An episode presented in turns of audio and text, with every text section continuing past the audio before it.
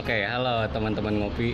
Eh, balik lagi di podcast Bengkulu Ngopi episode ke-9 hari ini. Iya, udah Iya, sembilan ya. Udah 9, nggak kerasa asli. Nggak kerasa. Tahu-tahu udah lama. Mm-mm.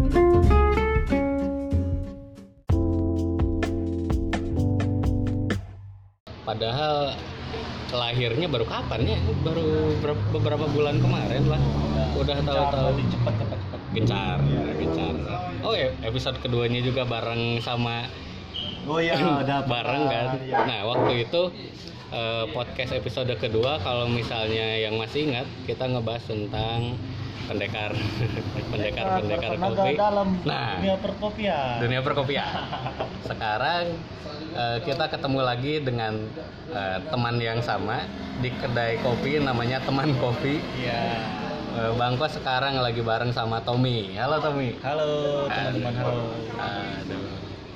Udah lama juga ini nggak bikin podcast karena berhubung lagi corona ya. Iya, Walaupun Bengkulu juga dengar-dengar masih hijau kan? masih aman sih Masih sebenarnya. aman sebenarnya. Cuman ya namanya pencegahan kan lebih baik daripada udah kena duluan baru eh, ini kan menghindari. Iya, benar. Mending dihindari dari awal-awal. gitu. Ini pun teman kopi eh, apa ya istilahnya bisa dibilang yang datang internal-internal Iya, juga iya, teman-teman. teman-teman dekat, Iya. teman-teman ngopi aja gitu. Nggak dibuka untuk umum. Kalau misalnya ada yang umum paling take away paling ya. Iya, Nah, oke.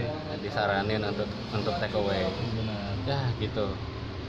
Namanya musibah, lagi wabah. Ya gimana lagi ya? Dengar-dengar omset-omset di kedai kopi gara-gara wabah ini pada turun juga. Kalau di teman gimana, Tom? Ya, disyukurin aja lah. Disyukurin Ya, aja. disyukurin aja. Ya, untungnya masih ada teman-teman lah Iya, yang, yang di bantu support lah. yang bantu support ya Minimal bisa muter, Iya. bertahan. bisa bertahan bisa muter soalnya ya balik lagi jangan sampai kedai kopi kedai kopi favorit kalian nanti tumbang gara-gara corona. Jadi tetap Hmm. harus kalian dukung. Salah satu caranya adalah dengan membeli. Membeli eh, terutama take away ya. Kalau sekarang saya nggak take away karena ada keperluan podcast. Walaupun dibilang penting-penting amat enggak tapi ya lumayan lah. Daripada kalian di rumah bosan pengen keluyuran mending nggak dengerin podcast Iya, benar. gitu duh udah lama nggak ke teman kopi nggak alam oh ya ntar sebelum bahas ke arah sana ini nih teman kopi itu ngelihat dari lokasinya lokasinya strategis banget di mana Di Simpang Skip ya? Ya, skip. simpang skip seberang Sufi Bakery di sana kalau misalnya ngelihat teman kopi ya nyimpang nyimpang dulu lah Iya. jajan di sana Melipir boleh lah, melipir, melipir. bentar ngobrol-ngobrol nggak masalah terus biasanya sebelum si virus corona ini di sini tuh ada Angkringan. angkringan Iya. cuman ya Karena lagi wabah di Karena lagi wabah. ditahan dulu. tahan dulu lah Biar nggak rame-rame banget. Iya. Ujung-ujungnya nanti kalau udah semuanya beres, semuanya selesai, angkringan lagi bukan Iya, lagi ya. full power. Full power. Soalnya asik sih angkringan, Iya. sempat nyicip-nyicip angkringan di sini. Sambil ngopi, sambil makan udah komplit. Request teman-teman juga sih. Request. Banyak ya yang ngopi, Oh, iya, iya, iya, pengen iya, makan, iya. pengen makan, pengen Iya. makan. Oh iya, Ya, benar. dibikinin aja. Bener, paling Iya. praktis juga angkringan sebenarnya ya. Tinggal ngangetin, bakar, Iya. comot gitu kan. Nggak Iya. perlu ribet. Dan low budget. low budget Iya. low budget jadi ngopi mah nggak harus ngabisin duit Iya, kata benar. siapa kopi yang enak itu mahal nggak murah murah enak ngopi kenyang lagi ya udah lengkap di sini juga ada beberapa apa ya artwork lah bisa dibilang ya Iya. Itu ada nah artwork ini nih yang di depan bangko sekarang lihat ini agak-agak bagus bagus Ya. tapi agak-agak Nyeleneh. ya, nyeleneh Iya. agak-agak ini apa ya menohok aja menohok Iya. soalnya ada tulisan bapakku petani kopi tapi kopinya dicoret Iya, diganti sawit. diganti sawit Aduh, kebun kopinya udah nggak ada lagi jadi kebun sawit. jadi kebun sawit semua Iya. menggambarkan ya Menggambarkan. menggambarkan beberapa lahan di Di Bengkulu. Bengkulu provinsi Bengkulu yang asalnya kopi eh, berubah jadi sawit sawit. ya tapi mungkin pada saat itu kopi masih belum ini ya belum yang membutuhkan kopi mungkin waktu itu industri-industri besar Iya, belum. Coffee shop juga belum sebanyak Coffee shop sekarang. belum sebanyak sekarang. Masih ya masih beginilah jadi sawit nih. Udah komoditas ekspor. Udah ini walaupun harganya naik turun naik turun cenderung turun terus. Iya. nggak tahu kenapa. Nah dan pengolahan sawit juga yang agak bangkok sedih sekarang itu. Kita jual sawit mentah tapi kita beli yang sudah jadinya. Iya. Agak agak sedih lah sebenarnya bisa dibilang Indonesia itu sebenarnya bisa mengolah sawit jadi produk jadi Iya, benar. dijual dengan harga lebih tinggi tapi entah karena nggak mau ribet entah karena eh, politik entah karena apa jadinya dijualnya mentah ya harga harga jualnya pun rendah, ya Rendah, ya. Hmm. Tapi ya semoga karena di Bengkulu eh, kopi udah mulai muncul, kedai-kedai kopi dari yang skala kecil dan besar udah mulai muncul, mulai beralih lagi menanam kopi lagi Iya. gitu ya. Hmm. Hmm. Terus di samping itu juga setelah lama nggak ke teman terakhir ke teman itu ya ngopi-ngopi biasa nggak lama kemudian datanglah mesin roasting Iya. Ini datang di saat yang tidak tepat. datang di saat yang tidak tepat aduh kirain bakal di sini demandnya bakal tinggi mulai tinggi karena banyak kedai kopi ternyata enggak karena Karena lagi momen. wabah karena momennya tidak pas Kurang pas. tapi ada apa ya ada bagusnya juga sih Ya, jadi istilahnya lebih- ada waktu untuk Ya, waktu ngulik buat ngulik. Jadi lebih waktu buat panjang. nguliknya sekarang Hmm. itu mesin roastingnya apa Tom? Mesinnya mesin lokal sih buat Lokal, lokal. ya. Tapi recommended lah buat teman-teman. Oke, recommended nama mesinnya apa? Nor Coffee Roaster. North Coffee Roaster. Kapasitas? Jember. Oh, kapasitasnya eh, kapasitas normalnya 2 kilo, Mhm. maksimal bisa 2 kilo setengah, minimal bisa 500 gram. 500 gram Ya. sampai 2 kilo setengah. 2 kilo setengah ya. Itu range-nya. Eh, udah datang dari kapan tuh? Udah hampir satu bulan sih. Udah hampir satu bulan. Tapi bulan. udah lumayan lama ya. Dari November. Dari November. Soalnya kita November. udah ngobrol-ngobrolin Ya. soal mesin roasting, Roasting, ini ya. dari tahun kemarin. Cuman karena ya dari Jember, Ya. ditambah lagi jauh, Ya. alatnya besar, Harus segala macam. PO dulu. Harus PO dulu. Ah. Jadi ya agak lama lah. Ya. Tapi setelah datang ke sini worth lah ya. Worth lah. Worth. Ya. Mesinnya keren. Oke. Sejauh ini udah ngerosting beans dari mana aja, Tom?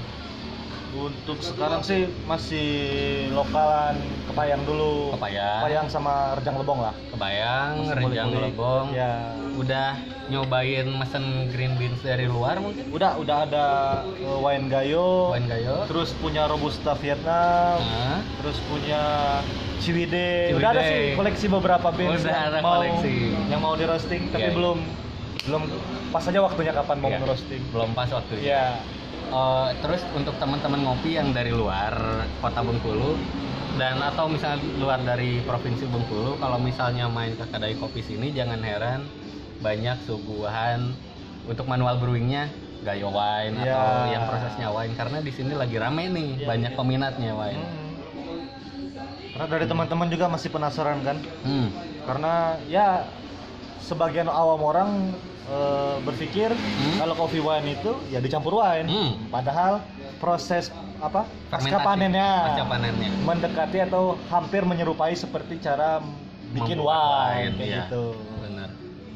dan misalnya pun pakai wine segala macam Iya. udah masuk mesin roasting ya habis lah alkohol iya. pasti. udah nguap semua udah nguap semua Ah, tidak alkoholnya. mungkin ada alkoholnya habis zero Iya. alkohol jadi untuk yang Parno haram haram tidak, Tidak, saudara-saudara alkoholnya sudah dia hilang bukan wine tapi mendekati Mendekati, menyerupai hampir menyerupai. seperti wine iya ya, gitu. oke oke iya sih sekarang sekarang kan proses pasca panen udah mulai apa ya terutama di Bengkulu udah mulai udah maju lah ya udah beberapa ada kelompok petani yang Ya. mengerti Mm-mm. tentang proses pasca panen karena ya flashback ke beberapa tahun yang lalu ya taunya jemur kopi ya jemur sampai Jemur kering sampai kering. di jalan di lindes di hinggapin beberapa hewan, Hewan peliharaan ada peliharaan. guguk Iya. ada ayam ada ayam aduh Aduh, lucu. ada ada aja ya. itu masih mending kadang ada kambing Iya, ada ada, sapi seliweran kebo lah udah tapi ini. sekarang udah mulai sadar udah mulai sadar karena permintaannya Ya. sudah mulai pengennya yang bagus Ya, yang pengennya premium. seperti ini Ya. yang premium kayak karena dari segi harga juga kan lebih apa namanya? Lebih tinggi? Lebih tinggi daripada yang asalan. Asalan iya iya iya iya iya. Iya sayang soalnya udah ditanam capek-capek. Iya. eh prosesnya asalan Asalan. sayang. Walaupun kebanyakan di sini kebun kopi masih mix varietas ya? Varietas masih mix. varietas kebanyakan ya belum banyak specialty atau belum ada jangan-jangan specialty Kalau untuk specialty sendiri sih memang masih berat buat ngakuin Hmm. kalau produk ini specialty. Hmm. Paling mentok-mentok di premium. Iya mantap-mantap di premium Iya. lah ya. Ya. Terus ya, oh ya Tom, ngomong-ngomong soal roasting, Ah. udah ngulik soal roasting dari kapan sih? Sebenarnya waktu apa namanya jalan di kedai kopi juga kan Hmm? kebutuhan bahan baku kopi itu kan nyediain sendiri. Ya, Cari green bean sudah sendiri. Cari green bean roasting sendiri. udah sendiri walaupun masih nyewa mesin roastingnya masih bayar jasa buat roasting sendiri. ya, ya lama kelamaan lama kelamaan ya apa namanya Eh, jadi pengen ngedalamin pengen Pengen ngedalamin terus konsistensi yang jelas konsistensi sama eh, yang kalau buat bisnisnya sendiri ya mangkas mangkas apa namanya Mangkas produksi. produksi Ya, dan pengembangan bisnis lah pengembangan bisnis. Jadi Ah. produknya nggak cuman produk jadi kopi, tapi Ya. ada produk ada sebelumnya. roasted bean Ya, tapi ya itu roasted bean. ya Nah, jasa roasti jasa, jasa roastery juga jasa roasting juga. Iya iya iya. Terus bisa nambah-nambah buat ngobrol-ngobrol ke teman-teman juga sih. Jadi ada teman-teman yang apa namanya, yang pengen belajar ngerosting, Hmm. pengen tahu lebih dalam roasting itu apa. Ya. Jadi lebih enak aja. Lebih enak ya, lebih enak ngobrolnya, lebih enak diskusinya. Kalau misalnya ada yang mau belajar bisa ikut ngulik-ngulik Iya, bareng di dalam diskusi kali ya, bareng. diskusi bareng. Kebetulan Bangko juga soal roasting masih buta lah bisa dibilang. Jadi nanti kalau misalnya ngerosting roasting bareng lah kita. Boleh. Asik kayak Terus eh, di eh, apa ya pengalaman selama roasting deh ah. sejauh ini beans yang paling eh, setelah dibuat rasanya paling memuaskan dari mana sih Ini terakhir saya dapat yang dari Rejang Lebong ini. Rejang Lebong hmm. eh, prosesnya natural nih. Hmm. Sebelumnya saya pernah apa belanja dulu Jo, belanja di Space Roastery. Hmm.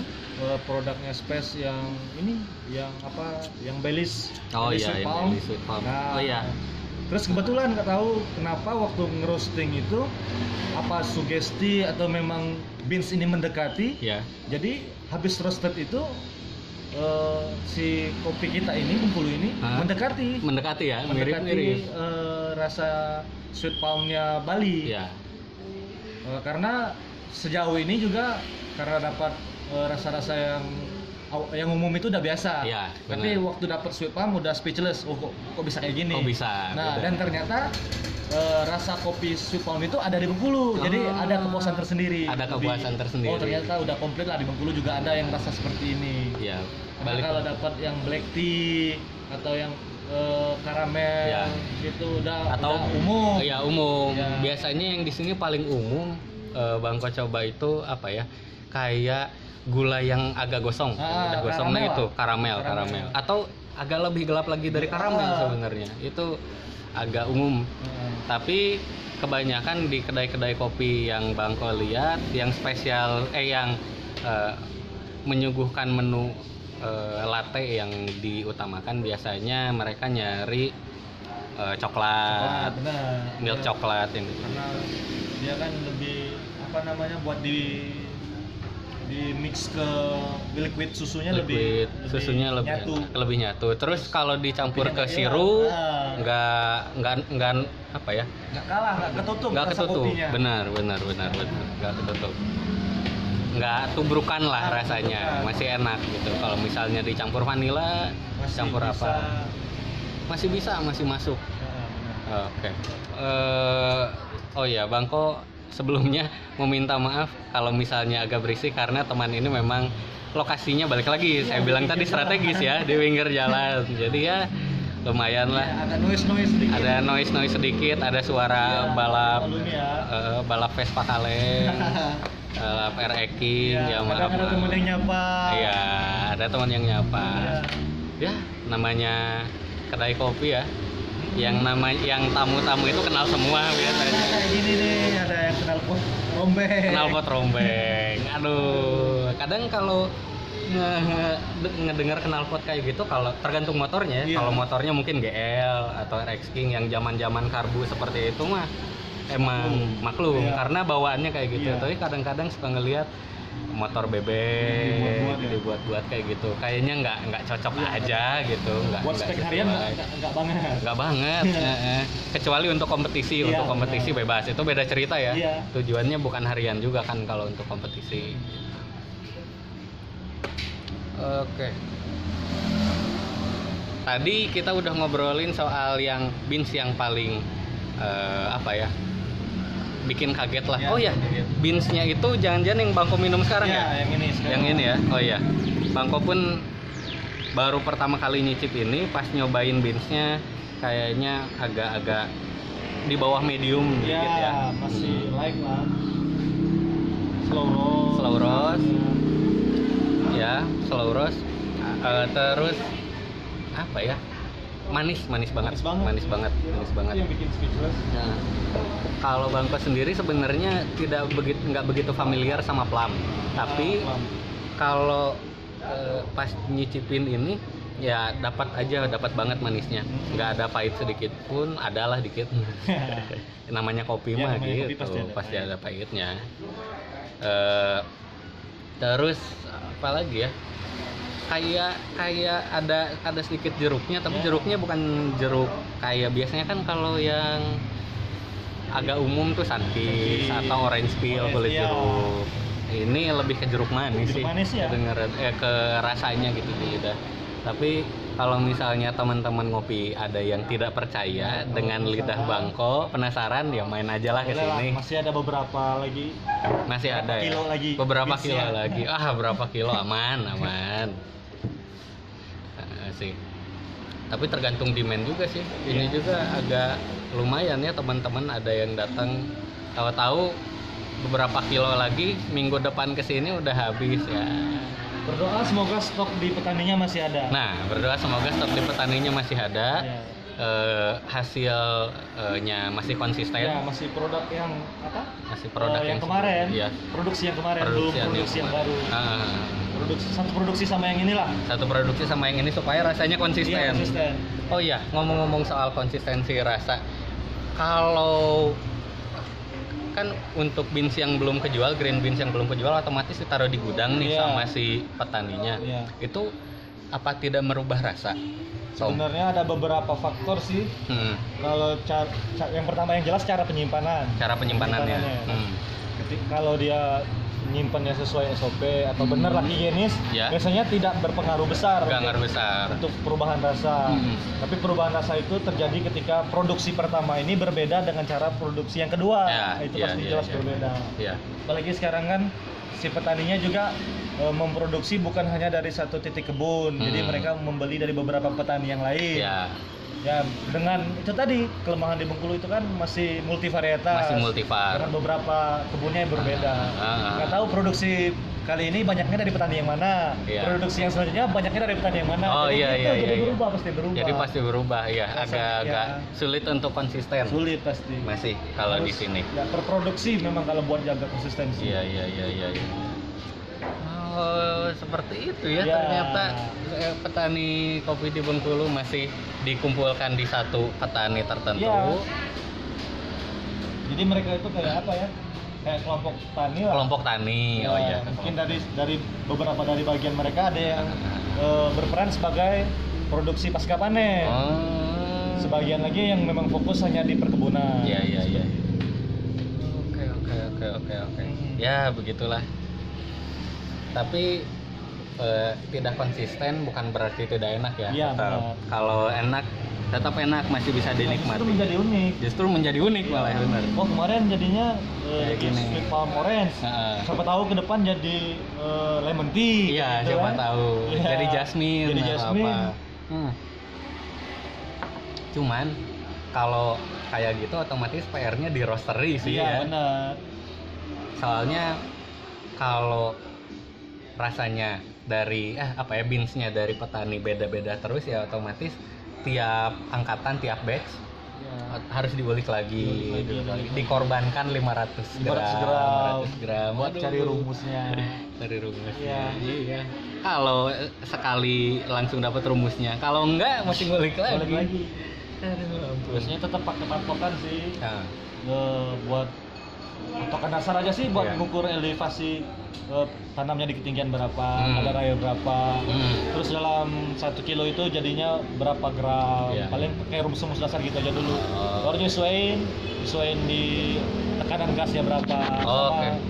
RPM drumnya. iya iya iya, gitu. Iya. Masih tetap pakai standar. masih tetap pakai Ya. yang standar dulu standar bisa di up buat apa? Ngeluarin rasanya yang lebih, ya. nah itu diulik main lagi ekstrim, iya. main ekstrim lagi beda Iya. lagi Eh, atau atau nggak kepikiran untuk ini eh, beli alat roasting yang kecil Iya, gitu yang sebenarnya, beberapa ratus iya, gram buat dulu. kalibrasi kan. untuk kalibrasi Ya, ada sih kepikiran buat itu. hmm. Tapi biarlah berjalan dulu. berjalan dulu ya berjalan Sambil dulu budgetnya datang. budgetnya datang mah udah pasti Iya. soalnya ya Oh, lumayan juga sih. soalnya. iya Hmm. lumayan juga sayang kalau Harus berkorban. harus berkorban dulu walaupun sebenarnya kadang beans yang dikorbankan itu pas diminum enak-enak Enak-enak juga, juga. sebenarnya Cuman belum puas aja. belum puas gitu hmm iya iya iya iya menarik kalau di kota Bengkulu sendiri Tom untuk eh, jasa roasting sudah ada banyak belum sih atau masih, bisa dihitung jari Oh, masih hitung jari. hmm Dan apa sih kalau yang memang benar-benar buka jasa roasting kayak gitu Ya. dipromoin Ya. terus yang benar-benar apa teman-teman rekomendasi itu paling beberapa doang. beberapa doang ya memang ada juga beberapa dari teman-teman yang punya mesin roastery tapi tidak membuka jasa roastery. Tidak membuka jasa roastery. Iya. Jadi untuk sendiri Iya, gitu ya. sendiri. Misalnya udah punya kebun sendiri, Iya, kali ya udah produksi bisa produksi sendiri. GB sendiri. Salah satunya mungkin di Kawo itu mungkin ya, Iya, kayak gitu di ada. Kawo itu. Beberapa teman-teman yang punya mesin roasting kan. Hmm, iya benar. Ya masih bisa dihitung jari, tapi ya semakin berkembang sih kopi di Kebutuhan sini. itu pasti Kebutuhan meningkat, itu iya. semakin meningkat. Jadi ya mungkin setelah teman ada teman-teman ngopi yang pegiat kopi juga ternyata terinspirasi oh kayaknya beli alat, alat roasting atau ngulik-ngulik tentang roasting menarik nih Ya. nah bisalah di diulik lagi dibeli mesin roastingnya supaya eh, skena kopi di Bengkulu makin maju Hmm. Hmm. Eh, terus apa lagi ya? Paling walaupun walaupun sekarang beans eh, roasting sendiri eh, tetap masih ada beans dari ini ya, masih, ada tetap beans buat- tamu lah Iya, beans istilahnya. tamunya masih ada buat apa sih namanya? Sekedar buat eh, bat- buat apa sih? Perbandingan. lah, Perbandingan, perbandingan. Oh, ini beans luar nih, ini beans Bengkulu. Iya iya iya iya. Dan ya biar teman-teman tahu juga. Ah. Sebenarnya kalau beans Bengkulu itu nggak kalah enak. Iya nggak kalah enak rasanya. nggak kalah apa namanya dari beans luar Hmm. eh, kualitasnya. Iya. Gitu. Gitu. dan ditambah lagi kalau misalnya beans Bengkulu dijual di beberapa kedai pasti lebih murah Ya, kan lebih murah. harganya, lebih ekonomis lah. Dan itu juga kuncinya sih ngopi enak dengan low budget. Ya pakai beans eh, lokal Iya. beans kita sendiri. Ya karena ngopi enak sebenarnya nggak harus mahal balik lagi mahal. tadi lagi. Gitu bos. Dan juga apa namanya seru aja sih kalau ngerosted sambil diskusi sama teman-teman. Ah, jadi eh, apa sih namanya berbagi lah jadi Berbagi, berbagi. pengalaman lagi kayak yang teman-teman baru-baru terjun ke dunia perkopian kan? Nah baru-baru terjun. Ya biar nggak salah mindset. Nah biar nggak salah mindset ya benar. nggak salah alur juga sih. Ya, soalnya di sini ya soal Soalnya juga- kopi sebenarnya bukan soal nyeduh doang, Iya. bukan soal roasting doang, bukan soal pasca panen doang, tapi lebih ke mindsetnya. Soalnya ada banyak yang bisa digali sih dari kopi sebenarnya, banyak banget. kalau hasil sih cuma hukum marketing doang Hmm, ya, kalau profitnya hukum marketing doang ya profit hukum marketing. Tapi lebih, kadang jauh ada lebih dari itu ya ya punya teman baru relasi baru relasi baru. apalagi kalau main kebun punya keluarga baru Nah, iya bener, keluarga baru. Soalnya yang di kebun itu apa ya? Beda dengan yang di kota sih Beda, ya. mereka- Kalau di kota bi- biasanya ada yang masing-masing Nah, hidupnya. mereka family family Family semuanya Ya. dianggap keluarga. Benar-benar kekeluargaan Keluargaan, sistemnya. ya. Benar. jadi buat bayar bins mereka juga jadi apa jadi segan segan. Nah, buat iya. apa matokin harga berapa harga Matokin berapa harga. gitu Iya, benar. Hmm. Gitu sih. Ya. Ya, kita bayar dengan harga standar aja mereka senangnya bukan main Bukan apalagi main. di atas standar di atas standar ya benar juga sih terus ditambah lagi oh mungkin itu juga ya yang membuat eh, teman-teman pegiat kopi kebanyakan yang bang Ko lihat jadi apa ya kekeluargaan Ah. gitu bentuk bentuk komunikasinya Iya, kayak gitu kan semuanya ya jadi keluarga jadi teman lah Hmm. Hmm. Oke. Nah, eh, teman kopi udah berdiri dari kapan?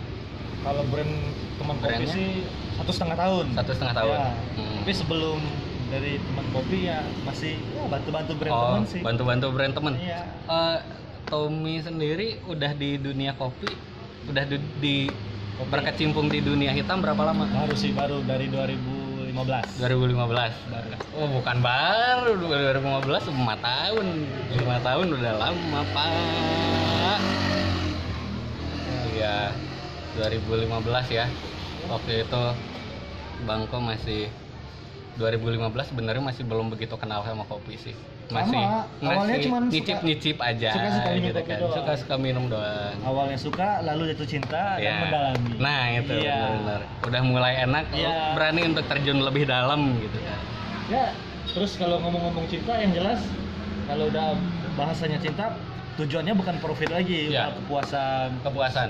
apa yang namanya Eh, apa ya Idealisme Ya. kali ya lebih. seperti itulah Ya, makanya jangan heran kalau ada beberapa kedai kopi yang tidak menawarkan menu non kopi, cuman ada kopi doang. Itu karena mereka tidak sepenuhnya nyari untung, tidak Ya. sepenuhnya nyari uang di sana, tapi juga dia menjual idealisme kayak gitu. Walaupun untung mah tetap butuh gitu. Orang mah makan kan pakai duit bukan pakai idealisme ya. Sebenarnya kalau realistisnya. Tapi ya tapi, kepuasan batin balik lagi. Itu susah untuk dicari. Tapi ajaib sih balance. Balance ya? Ya balance. Oh ya di Eh, teman sendiri ada menu non kopinya? Ada sih buat buat teman-teman yang tapi tetap berkafein. Tetap Ada- berkafein.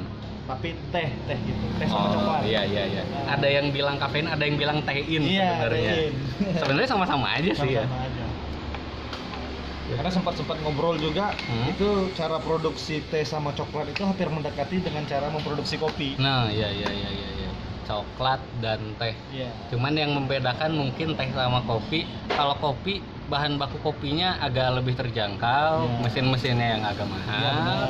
kalau teh kebalikannya Bahan bakunya yang bahan mahal. bakunya yang mahal tapi kalau teh ya diseduh ya gitu iya. aja lebih simpel alat-alatnya pun lebih terjangkau Lebih terjangkau. gitu sih ada kepikiran untuk ngulik teh Tom Wah, kayaknya belum. belum masih fokus roasting Masih dulu fokus aja ya, ini aja masih jauh banget. masih belum puas gitu Iya, masih nguliknya belum. ya iya sih menarik menarik menarik ini Iya. Ternyata. sih, iya. Dan bahkan mungkin ini cari profitnya bukan di kopi, di non kopi, makanya ada eh, iya. angkringan di depan. ada angkringan di depan ada Ya, buat tambahan subsidi silang lah. ya subsidi silang bener Ya. juga karena ya beberapa kedai kopi yang Bangko lihat tidak hanya di Bengkulu tapi di kota-kota besar di Indonesia eh, ini mereka dapat margin profit yang lebih besar di HPP sama harga jualnya gitu ya. Agak lebih besar di non kopi Iya. nah di situlah bentuk subsidinya gitu. Jadi misalnya nih ada yang jual maca sama ah bukan maca deh red velvet Iya. sama jual latte. Harganya sama. Sebenarnya ongkos produksinya beda. Beda, ya. Ini buka-bukaan aja kita memang lebih mahal kopi kan? Iya, lebih Nah, mahal kopi. lebih mahal kopi. Nah di Oh. situ bentuk subsidinya sebenarnya. Hmm, iya. Dan nggak kerasa juga udah setengah jam tau Iya. perasaan baru bentar anjir ngobrolnya. Ampun. Ah, iya. Untuk teman-teman ngopi yang pengen ngopi take away atau misalnya pengen ngobrol dulu sebentar sama Tommy di teman kopi silahkan main-main ke sini ya di Nah, niatnya sebentar ntar pasti bakal lama. pasti bakal lama asli Iya. yang namanya ngopi sambil Ngobrol, ngobrol aduh nggak kuat bentar apalagi ada pisang goreng Iya. sambil ngerokok untuk yang merokok ya untuk yang tidak jangan Ngevape lah, ngevape. ngevape ya ngevape Tapi sekarang banyak banting setir dari kedai kopi jadi Vape vape store. Vape store. Iya, iya, iya. Tapi ada juga yang Iya. dikombinasi, Kombinasi. dikombinasi. Ada Masih masuk akal sih kalau kombinasi. Iya, masih masuk akal. Kalau udah banting setir ya. Iya. Ada istilahnya ngopi kalau nggak sambil ngerokok tuh kurang, gitu ya, iya. kurang. Kopi sama kafein sama nikotin lah. Kafein sama nikotin. Perkawinan yang pas. Pas walaupun bahaya. Terus rokok sih yang bahaya sebenarnya. Makanya jangan saudara-saudara selain merusak tubuh, merusak uang Atau- Anda. Ya, merusak kantong. Budget Ya. nambah ya. Iya. Apalagi lagi corona, Iya. duit lagi susah-susahnya. Saving benar-benar dihitung. Iya, pengeluaran. dihitung pengeluaran sehari harus berapa. Nggak boleh lewat dari segini atau seminggu. Kalau saya sih biasanya ngitung-ngitung budget buat jajan per minggu sih. Iya. Kayak gitu lah. Ya gitu obrolannya asik. Ya. Udah mulai ngelantur ke mana-mana jadinya. Oke, Bangku tutup uh, podcast episode ke 9 hari ini. Terima kasih teman-teman ngopi. Sampai ketemu di podcast selanjutnya. Mungkin minggu depan, mungkin minggu depannya lagi karena kedai kopi banyak yang tutup Ya, ya. semoga cepat sekarang. berlalu. Semoga corona cepat berlalu, saudara-saudara. Terima kasih. Bye, Bye, teman-teman see ngopi. you. See you.